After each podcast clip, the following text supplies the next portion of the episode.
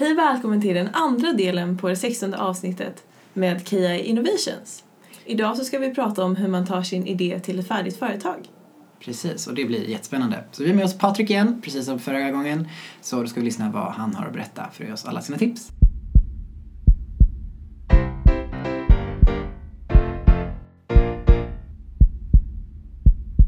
Då är det dags då för den andra delen och nu ska vi få lära oss hur man tar sin idé eller en tanke till ett färdigt företag.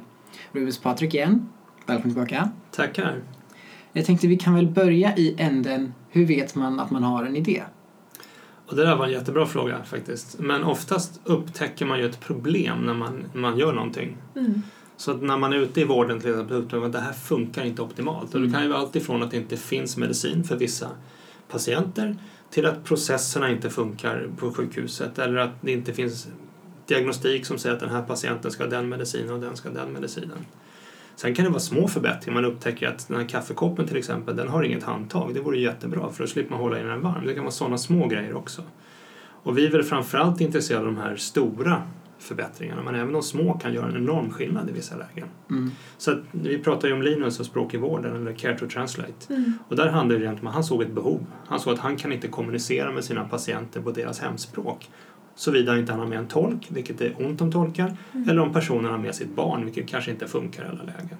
Och där såg han ett behov. Sen gäller det att hitta en lösning till behovet och det är jättesvårt Mm. en del gånger. Det är inte så himla lätt.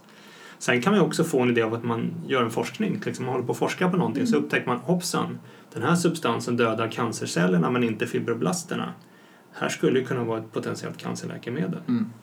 Eller så sitter man helt enkelt aktivt och tittar i litteraturen eller sök, alltså söker efter problem som man kan lösa. Det finns ju de som gör det också. Men hur långt måste man ha kommit på sin idé då innan man kommer till er? Eller liksom hur, kan det vara bara en tanke eller måste man liksom ha ett helt koncept? Ja, jag tycker man kan komma till oss väldigt tidigt eftersom vi har det här liksom inreach-delen där det är mer information och inspiration och, och guidning också, hjälpa folk rätt. Och en av våra mest lyckosamma idéer eh, kom faktiskt in på en pappersservett. Mhm. Tyvärr så har vi inte kvar den pappersservetten. Det var en kirurg som tyckte att det här borde funka. Ett sätt att gå in i kärlsystemet och sen kunna punktera kärlväggen och gå ut och ta prover eller, eller lämna substanser och sen sluta kärlväggen på vägen tillbaka. Den finns nu på väg ut på marknaden via ett nystartat bolag som de har sålt sin idé till. Så att man kan ha bara en idé. Mm. Eh, Man bör gärna ha något belägg för att idén finns, eller idén funkar eller att Mm. behovet finns Mm. kanske. Så att, men man kan komma till oss väldigt tidigt. Sen kommer man behöva mer om man ska få stöd, ekonomiskt stöd Mm. via Vinnova då, via oss. Men har man bara en idé så funkar det bra. Mm. Så vad händer om man liksom säger att nu har Irene liksom en jättebra idé som hon tror på. Hon Mm. bara, det finns ett behov, jag har ett problem jag kan lösa. Liksom knackar man på eller vad är det? man kommer med en pappersservett eller ringer man? Hur tar man kontakt på bästa sätt? Brevduva brukar vi säga. Nej, faktiskt. Antingen så ringer man mig eller så skickar man bara ett mejl. Det finns även eh, ett eh, formulär man kan ladda ner om man verkligen har en konkret idé med lite data bakom. Vår invention disclosure form kan man ladda ner och skicka in. Mm. Men jag tycker man ska ta kontakt först för att höra Okej. att, att det här är på rätt nivå, att det här passar. Oftast har vi ett första möte och så diskuterar vi idén och lite vad, vad du vill göra med din idé. För det är också ganska viktigt. Mm. För det beror ju på vilken hjälp du ska få. Sen ska jag säga att vi jobbar bara med idéer kopplade till life science, det vill säga alltså, i princip det som sker på KI, det är vård Ja. och det är diagnostik. Så att kommer du med en förbättrad brödrost är vi inte intresserade, såvida du inte kan Mm. visa att det sänker kolesterolvärdet eller någonting sånt. Då kan vi vara Mhm. intresserade. Men, och sen så tar man ofta ett första möte. Bara enkelt, vi kan gå och ta en fika. Eh, och sen så pratar vi om hur vi fungerar, vad hjälper vi till med, vad kan vi göra och du pratar lite om din idé.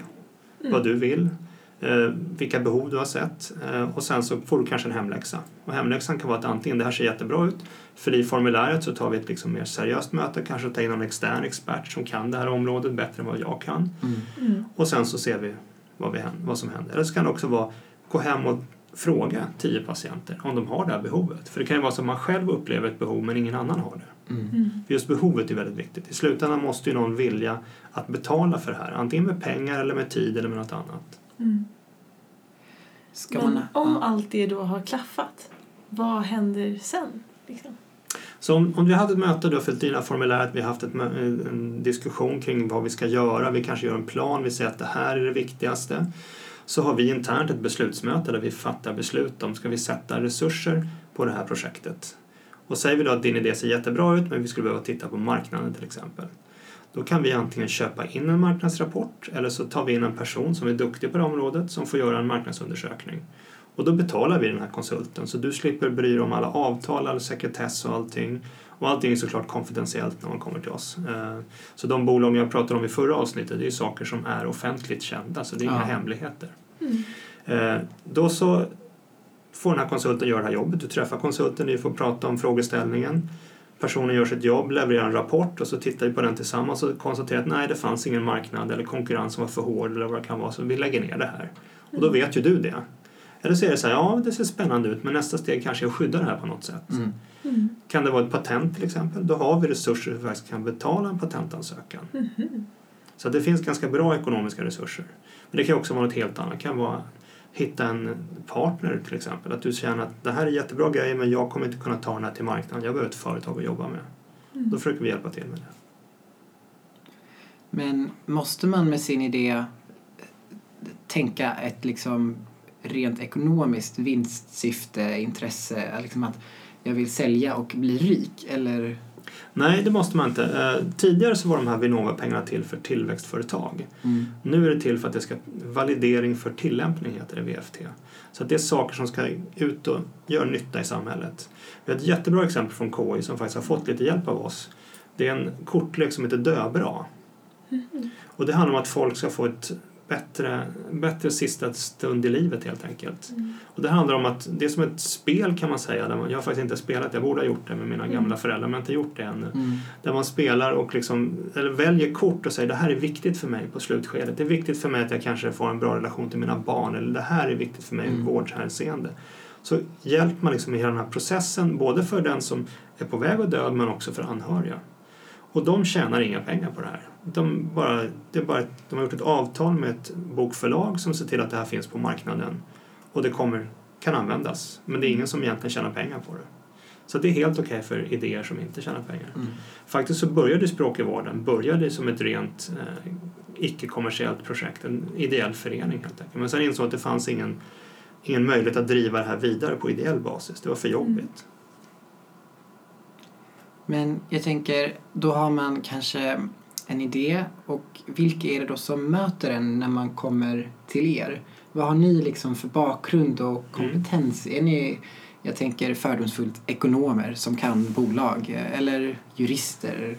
Men det är ju inte alla bevisligen. Nej, vi har, vi har någon enstaka person med ekonomisk bakgrund men framförallt så är vi forskare i botten. Ja. För vår bakgrund, Co-Innovations bakgrund var tidigare bara forskningsidéer. Nu har vi breddat oss. Mm. Men nästan alla av oss har disputerat, de flesta av oss på KI. Eh, nästan alla har jobbat inom läkemedelsindustrin eller biotechindustrin.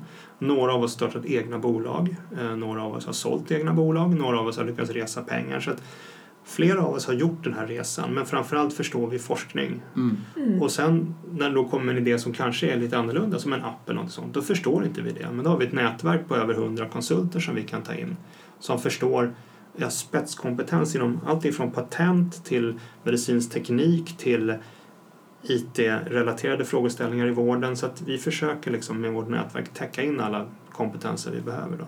Mm. Och Irene, du nämnde ju i förra avsnittet det här Mm. inkubator. Ja. Ehm, när är det man kommer liksom in i den här inkubatorn? Ja, eh, all vår verksamhet ska jag säga är gratis. Det kostar ingenting annat än tid att jobba med oss. Eh, det här Inreach då, det är helt gratis. Vem som helst kan komma och prata och Mm. få en timme, en halvtimme. Start är också gratis förutsatt att vi tycker att det här är en idé som är tillräckligt bra att lägga skattepengar på. Mm. Eh, Drive så väljer vi faktiskt vilka vi ska jobba med. Eh, och hittills har det varit spets, alltså spetsinkubator så det har handlat om bolag som kan ge stora exportinkomster på sikt. Det handlar om liksom, där det kan bli produkter som blir världsledande. Okej. Eh, nu kommer vi bredda den något och jobba mer med det som, det som vi pratade om förut, sociala innovationer, det vill säga som gör nytta.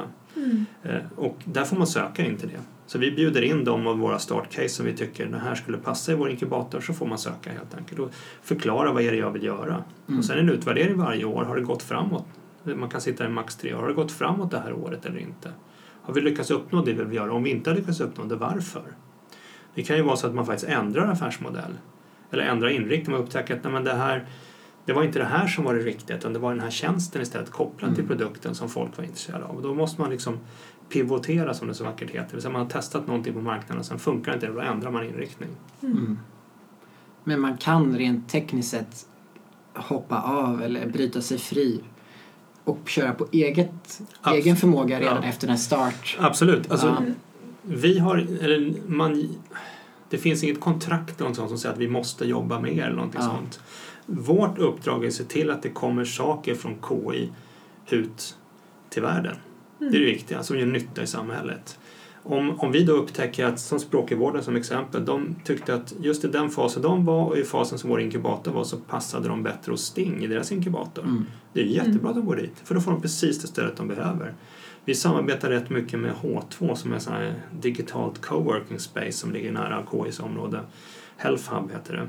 Och de har då en miljö som passar vissa typer av det mycket bättre än vad, att de skulle sitta kvar hos oss. Och då Mm. skickar vi dit dem istället.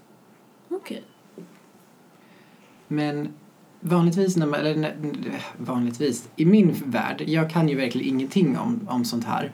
Men då är det alltid att man har en idé och sen om den potentiellt skulle kunna vara värd någonting, då vill ju andra kanske ta en del av kakan. Och det har man ju kanske sett på många så här tv-serier att man säger, ja men jag investerar men då ska jag ha 51% av Mm. ägarandelen. Mm. Har ni något sånt att ni säger att ja, men visst, vi hjälper till och vi investerar i er och vi gör en marknadsanalys och allt det här men vi förutsätter att vi får en liten del av kakan? Nej, vi tar inget ägande alls faktiskt.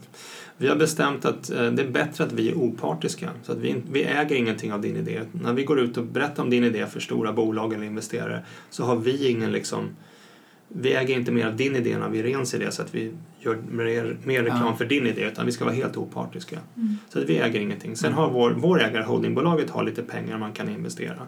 Men det är deras pengar så att säga. Ja. Men, så vi tar inget ägande. Men det, är kan helt- man tänka sig sen att Sen, andra bolag absolut. vill Mm. Absolut. Sen Ja. finns det väldigt mycket det man kallar mjuka pengar i samhället. Alltså från Vinnova eller andra källor. Alltså man får pengar för att göra någonting, för att bygga en produkt eller ta fram Mm. någonting närmare marknaden. Men man tar inget ägande, ofta statliga pengar då. Mm. Och där kan vi hjälpa till i den ansökningsprocessen. Så man kan komma rätt långt med liksom pengar som är gratis helt enkelt. Sen måste man jobba väldigt mycket såklart. Ja. Och lägga ner kanske lite av sina egna pengar också. Ja. Men syvende och sist så kommer någon troligtvis behöva stoppa in pengar och då vill den personen ha ett litet ägande. Men det är en förhandlingsfråga. Ja.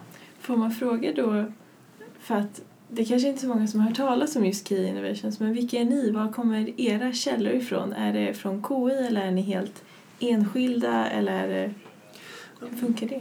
Vi är KI men ändå inte riktigt KI kan man säga. Eh, Vi är ett bolag Mm. så att vi, faller, vi är ingen myndighet som KI är. Så att vi faller inte Mm. under offentlighetsprincipen. Vi kan också göra vissa saker med pengar som KI inte kan göra. Men vi ägs av KI. Så KI har ett holdingbolag som sedan äger oss till 100%. Okej. Så Karin Dahlman Wright som är vice rektor på KI sitter i vår styrelse. Så att hon Mm. sitter med och har åsikter om vad vi ska göra och inte göra. Så att vi kan säga att vi är kontrollerade av KI men ändå lite fristående. Då. Sen större delen av våra pengar kom från staten. Mm. Vi har helt enkelt uppdrag via KI när det gäller innovationskontor som det kallas, som är den här inreach upplysande delen. Mm. Sen har vi då pengar för vår inkubator, också från Vinnova, men där KI skjuter till lite pengar. Och sen har vi de här Vinnova-medlen i start som vi använder för att hjälpa till att titta på just din idé. Om det finns någonting värt. det. Finns det en marknad? Finns det köpare? Mm. Finns det en samarbetspartner? Kan vi skydda det här? Behöver du legal hjälp? Du kan ju behöva ett avtal. Om du, om du säljer det här till ett företag så behöver du kanske hjälp med Mm. juristhjälp helt enkelt, att skriva avtalet. Jag tänker att som student jag känner i alla fall jag igen att man har lite så här mindrevärdeskomplex eller vad man ska uttrycka det som. Det vill säga, eller jag tänker på att man hela tiden borde kunna lite mer. Man Mm. har, lite- det är väldigt sällan man har 100% på alla tentor. Ehm, Det finns alltid någon som gör det lite bättre och framförallt kanske när man är på en praktikplacering så finns det alltid liksom en patient som kommer in och tänker nej, mm, det där tog jag inte eller där tänkte jag inte Mm. hela vägen. Hur, och då tänker jag, kopplar vi det till det vi pratar om nu. Hur vet man att man är tillräckligt bra för att göra en innovation så att man inte bara sitter och tänker att det finns ändå någon som kan det bättre? Jag tror att det allra viktigaste är nog att man vill. Alltså, det är det viktigaste, att du vill lösa det här problemet eller vill utveckla den här Mm. produkten. Och eh, sen är det så att när du börjar jobba med det här så kommer du jobba med saker som du aldrig har gjort förut. Mm. Precis som du möter nya typer av patienter på kliniken. Så att du kommer hela tiden träffa på ord som du inte känner igen. Du kommer röra dig i ett Mm. sammanhang som du inte känner igen. Men där har ju vi då det här nätverket med folk som vill komplettera din expertis med andra människors expertis så att vi kan hjälpa dig. Och jag tror att det allra viktigaste är att våga fråga. Mm. För det kan ju vara så att du har klurat på någonting och så sitter du hemma och skissar och ritar och sen går du och frågar Irene och säger så här, men den där finns ju. Mm. Jag såg den på min vårdcentral förra veckan. Mm. Så det är jätteviktigt att gå ut och fråga. Och kom gärna och fråga oss. Vi kan inte allt vi heller, men vi försöker hjälpa dig. Och sen så i slut, syvende och sist så enda testet egentligen det är att ta ut det till marknaden. Mm. Det kan ju vara så att marknaden tycker att det här är fantastiskt och det kan vara så att marknaden inte tycker om det. Mm. Och då får man i sådana fall ta ett steg tillbaka och fundera, okej, vad var det med min idé som gjorde att den inte funkade? Var det för att den var blå eller var det för att den inte fanns på engelska eller vad var det för någonting? Förlåt, vad menar du att den är blå? Nej men alltså du vet ju inte förrän du har testat på en kund om du tycker om Nej men alltså vad är... Jaha, du, har ju ja, in... färgen blå. Förlåt. Ska vi klippa lite eller? Är det så att kvar?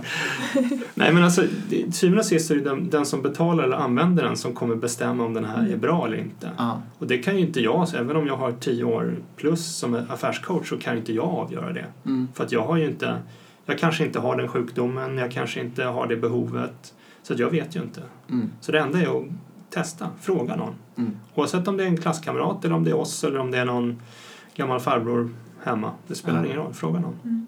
Men om man då har frågat runt sina klasskamrater och man ändå känner sig lite taggad, är det okej att kontakta er även fast man kanske känner sig lite osäker eller liksom i sig själv men säker på sin idé? Absolut, det tycker jag man ska göra. Kom gärna till oss. För att hellre komma till oss för tidigt än för sent skulle jag säga. Mm. Det värsta vore, tycker jag, om det satt massa smarta, ambitiösa människor och sitter hemma och klurar på saker och bygger sina egna små luftslott och kommer till oss och sen så visar sig att det här håller inte på grund av någonting de har gjort fel eller inte Mm. gjort fel. Mm. Samma sak, vi har ju forskare som kommer till oss som har sökt patent på egen hand och sen kommer till oss och så upptäcker vi att det här patentet var inget bra. Mm. Inte bara att det var dåligt och de har slösat pengar utan även förstör för deras framtid att kunna utveckla den här innovationen. Så kom gärna till oss tidigt så kan vi hjälpa till. Mm. Sen kommer vi inte kunna allt. Men då försöker vi hjälpa er att antingen hitta någon expert i vårt nätverk eller hitta någon annan som kan hjälpa er. Mm. Jag tänkte en grej för att knyta an till stud studenter. Mm. Em, Vi, framförallt under tidigare program eller terminerna på läkarprogrammet och sen vissa andra program så är man ju hela tiden i föreläsningssalar och är väldigt teoretisk. Och då är det väl väldigt många som har åsikter om hur undervisningen funkar.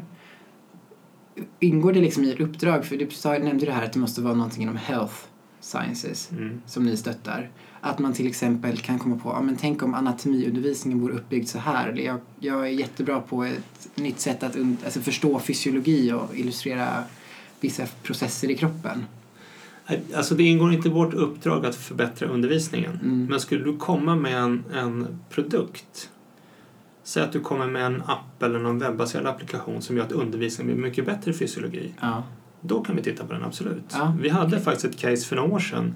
Några som jobbade på labb ute i Huddinge som hade ett problem att en viss typ av apparaturer måste man träna ny personal på. Men när man tränar personalen så blir appa- apparaten stående. Och eh, då kan du inte producera vård helt enkelt. Och Mm. så kan du inte köra de testerna som du ska köra. Plus att om det uppstår ett fel på apparaten så måste du förstå hur den funkar. Så du vill gärna testa de här felen Mm. in silico liksom. Så att de gjorde helt enkelt dataprogram som simulerade den här typen av, Mm. av träning. Så att folk kunde sitta och träna utan att för den skull störa de som jobbade med apparaten på Mm. Det såg jag ju faktiskt, den här är en spontan tanke, på Mm. KIs Facebook-sida tror jag var i våras. Att det var något exjobb, någon masterprogram som hade gjort, nu vet jag inte exakt vad det var, men det såg ut som någon slags men KTC, där, klinisk träningscentrum, Mm. fast på mobilen som ett dataspel.